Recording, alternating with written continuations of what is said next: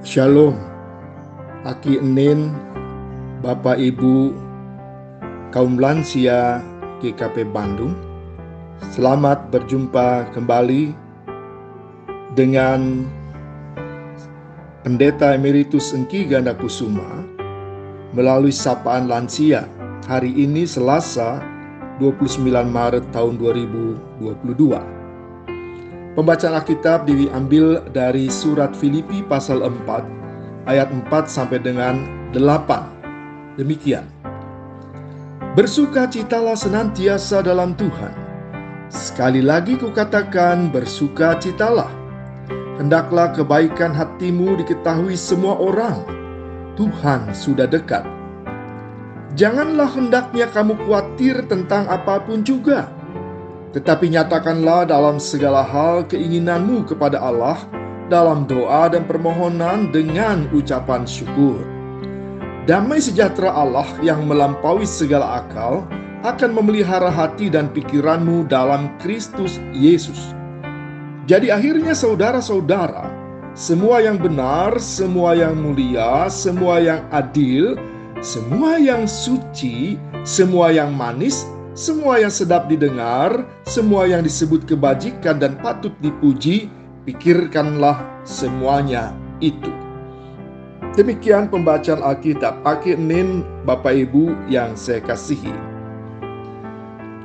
Bersukacitalah senantiasa dalam Tuhan. Hal apa saja yang biasanya membuat kita, kaum lansia ini, bersukacita? Kelahiran cucu pertama? Pasti. Anak-anak sukses dalam pekerjaan. Mereka baik-baik saja dalam hidup berkeluarga. Kondisi fisik kita yang memang semakin lanjut usia, tetapi tetap sehat. Bahkan makan pun masih bebas-bebas saja kinin ya. Atau tabungan pensiun kita yang masih sangat cukup untuk bisa membelikan hadiah ulang tahun cucu-cucu tercinta. Dan tentu saja berbagai hal yang sesuai dengan harapan-harapan dan doa-doa kita. Akinin Bapak Ibu yang terkasih, lalu bagaimana jika sampai saat ini kita belum mempunyai cucu? Bagaimana mempunyai cucu, anak pun belum menikah? Bagaimana perasaan kita ketika mendengar berita anak kita gagal dalam usahanya?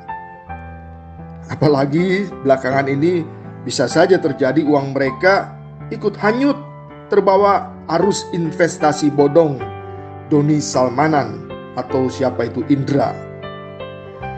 Bagaimana kita bisa bersuka cita ketika hari-hari kita selalu diperhadapkan dengan sakit penyakit? Batuklah, ya belum lagi sakit-sakit yang kronis yang membuat kita harus minum obat dan tentu saja juga membuat banyak makanan hanya bisa dilihat, dipandang, tetapi pantang dimakan. Lalu juga bagaimana kita dapat bersuka cita jika tabungan kita setiap hari bukannya bertambah, melainkan selalu berkurang. Bahkan mungkin tinggal menanti waktu tabungan ditutup bank karena tidak lagi cukup saldo untuk membayar biaya admin bulanannya. Jangankan membelikan cucu kado ulang tahun, untuk membayar listrik, air, dan beras pun sudah tidak ada. Akinin Bapak Ibu bagaimana kita dapat bersuka cita jika harapan-harapan kita hanya menjadi harapan yang tidak pernah menjadi kenyataan. Lalu apa sebenarnya yang dimaksudkan Rasul Paulus dengan menuliskan kata-kata bersuka citalah kepada jemaat di Filipi? Bahkan sampai dua kali berturut-turut, sekali lagi kukatakan bersuka citalah. Jemaat Filipi pada saat itu sepertinya sedang dalam pergumulan berat yang membuat mereka tidak berani menyatakan keberadaan diri sebagai pengikut Kristus. Atau justru mungkin karena menghayati bahwa Tuhan sudah dekat, membuat mereka menutup diri, berdiam diri, tinggal dalam rumah, tidak mau bergaul dengan orang lain, lalu membiarkan diri setiap saat dikuasai hanya oleh berbagai perasaan takut dan perasaan khawatir. Rasul Paulus mengingatkan jemaat Filipi dan juga kita semua, Akinin dan Bapak Ibu, bahwa sukacita hanya dapat kita miliki jika kita selalu berusaha membangun relasi yang baik dengan Tuhan, membangun relasi yang baik dengan sesama manusia. Terkait dengan ini, pertama Paulus katakan, bersukacitalah senantiasa dalam Tuhan. Bersukacita dalam Tuhan tidak bergantung kepada situasi dan kondisi. Punya atau tidak punya cucu, sehat atau sakit, punya uang banyak atau sedikit sekalipun, boleh bebas makan apa saja atau banyak makanan yang hanya bisa dipandang tetapi dipantang. Sukacita dalam Tuhan tidak boleh berhenti. Mengapa? Karena sukacita dalam Tuhan kita dapatkan bukan karena kebaikan kita, bukan karena kondisi kehidupan kita, tetapi melainkan karena anugerah dan kasih karunia Allah di dalam Yesus Kristus yang pada masa minggu-minggu prapaskah ini sedang kita hayati, menyambut pengorbanannya di kayu salib, dan puncaknya merayakan kemenangan kebangkitan Yesus. Untuk kita semua yang sudah percaya kepadanya, yang percaya bahkan sejak kita masih kecil. Yang kedua, Paulus menegaskan perlunya kita membangun relasi dengan sesama. Akinin Bapak Ibu tentu saja relasi yang baik dan bermanfaat. Paulus menuliskan hendaklah kebaikan hatimu diketahui semua orang. Kebaikan tidak cukup disimpan di hati saja. Kebaikan itu tidak boleh membuat kita hanya mengucapkannya saja. Kebaikan kita harus dirasakan, harus diketahui bukan hanya oleh seseorang atau lingkungan keluarga kita saja, tetapi oleh semua orang. Rasul Paulus di sini tidak menuliskan saudara seiman atau sesama kaum lanjut usia atau dalam konteks kita GKP Bandung warga satu sektor, satu area, sesama warga jemaat GKP Bandung, sesama Kristen.